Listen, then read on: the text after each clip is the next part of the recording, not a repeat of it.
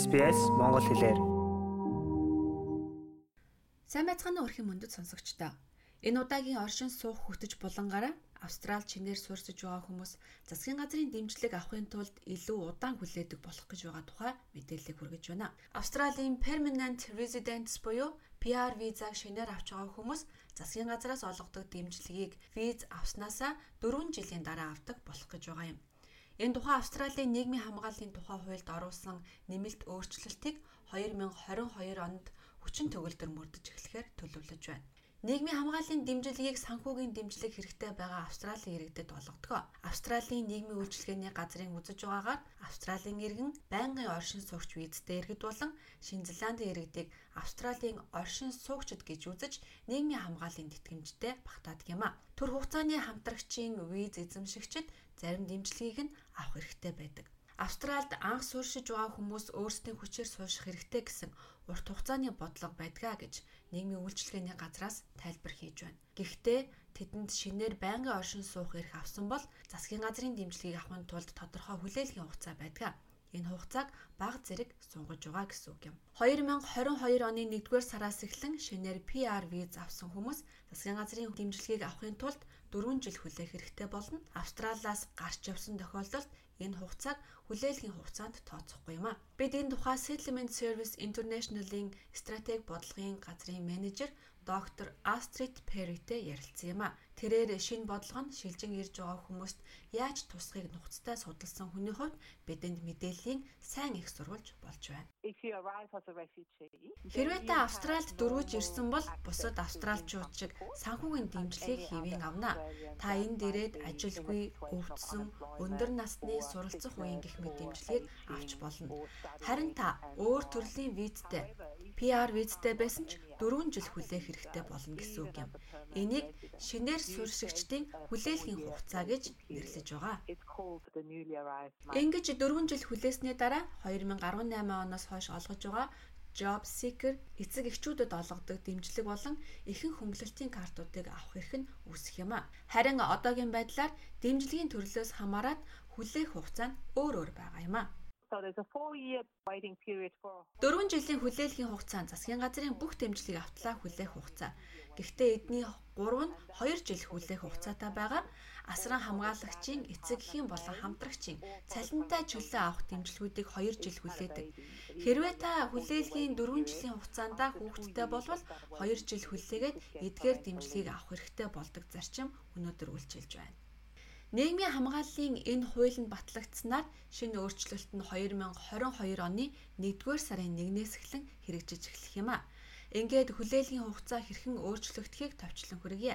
Халамжлагчийн дэмжлэг эцэг эхчүүдийн цалинтай чөлөө авах хамтрагчийн гих мэт дэмжлэгүүд 2 жил байсныг 4 жил болгож байна. Харин асран хамгаалагчийн хөнгөлөлтийн дэмжлэг, хүүхдээ өсгөх дэмжлэг буюу Family Tax Benefit-ийн A хэсгийг 1 жил хүлээгээд авдаг байсан бол 4 жил болгож байна. Засгийн газраас Family Tax Benefit-ийн B хэсгийн хүлээх хугацааг ч мөн сунгаж магадгүй хэмээн мэдэгдэж байгаа билээ. Гэхдээ энэ хүлээлгийн хугацааг сунгаж байгаа нь Австралид шинээр сууршиж байгаа хүмүүсийн хувьд амин чухал дэмжлэгийг нь саатуулж байгаа хэрэг гэж хүчтэй эсэргүүцэх хүмүүс ч олон байна. Бид эсэргүүцэж байгаа хүмүүсийн төлөөлөл болгон Ахрам Эл Фахри гэдэг мэрэгсэн нэгтлэн бодогчтой уулзаж ярилцлаа. Тэрээр PR виз авсан хүмүүстэй ажиллаж байсан хүний хувьд тэдний нөхцөл байдлыг сайн мэддэг нэг юм а. Хэрвээ үнэхээр тусламж хэрэгтэй шинээр суурьсагч санхүүгийн хөвчүүд ийм хүмүүст сервис Австралиа гар сунган туслаж байгаасаа гэж би хувьдаа боддөг юм а. 4 жил хүлээх хугацааны өөрчлөлт нь Австральд хүмүүнлэгийн визээр ирсэн болон дөрвөж ирсэн хүмүүст үйлчлэхгүй өмнөх хугацаа хэвээрээ байх юм. Бусдаар бол хугацааны хөнгөлөлт тэмч өгөөмөр биш байх болно. Хэрвээ шаардлагатай бол бид хүн тус бүрийн нөхцөл байдлыг харгалзан үзэж шийдвэрлэнэ гэж доктор Перри ярьж байна. Таны нөхцөл байдал үнэхээр өөрчлөгдсөн тохиолдолд хугацааны ямар нэгэн хөнгөлөлт байж болох юм а. Жишээ нь гинтийн осол дөртөх хөгжлийн бэрхшээлтэй болох таны ивент тэтгэгч цаашаа туслахгүй болсон эсвэл гэр бүлийн хүчирхийлэлд өртсөн гэх мэт нөхцлүүдийг авч үзэж болно.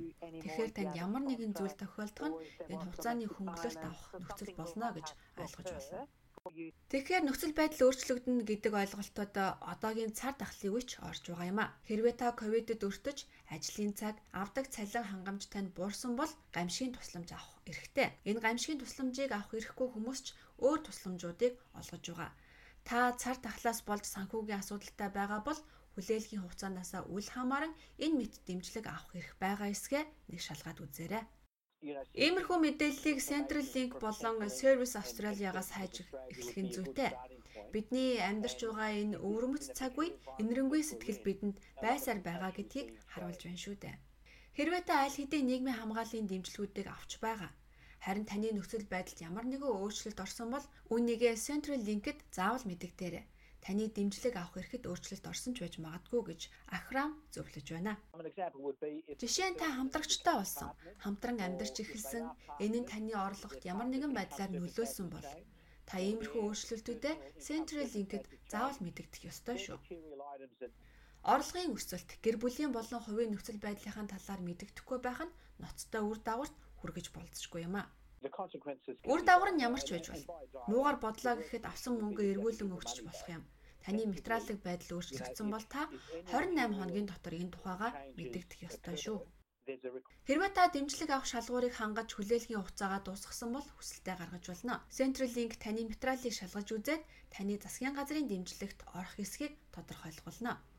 Та засгийн газрын дэмжлэгийг авах хэрэгтэй эсэх хэр удаан хүлээх зэрэг мэдээллийг онлайнаар авах боломжтой. Service Australia вебсайтаар ороод шинээр эргэсдийн хүлээлгийн хугацаа гэсэн хэсгээр нь мэдээлэл аваарай. Хөтөлбөрийнхөө төгсгөлт хэлэхэд COVID-19-с болж хүнд байдалд орсон бол заавал эндхийн иргэн PR визтэй хүмүүс биш төр оршин суух визтэй хүмүүс орогнол хүсэж ирсэн хүмүүс ч бас засгийн газрын дэмжлэгийг авах хэрэгтэй байгаа.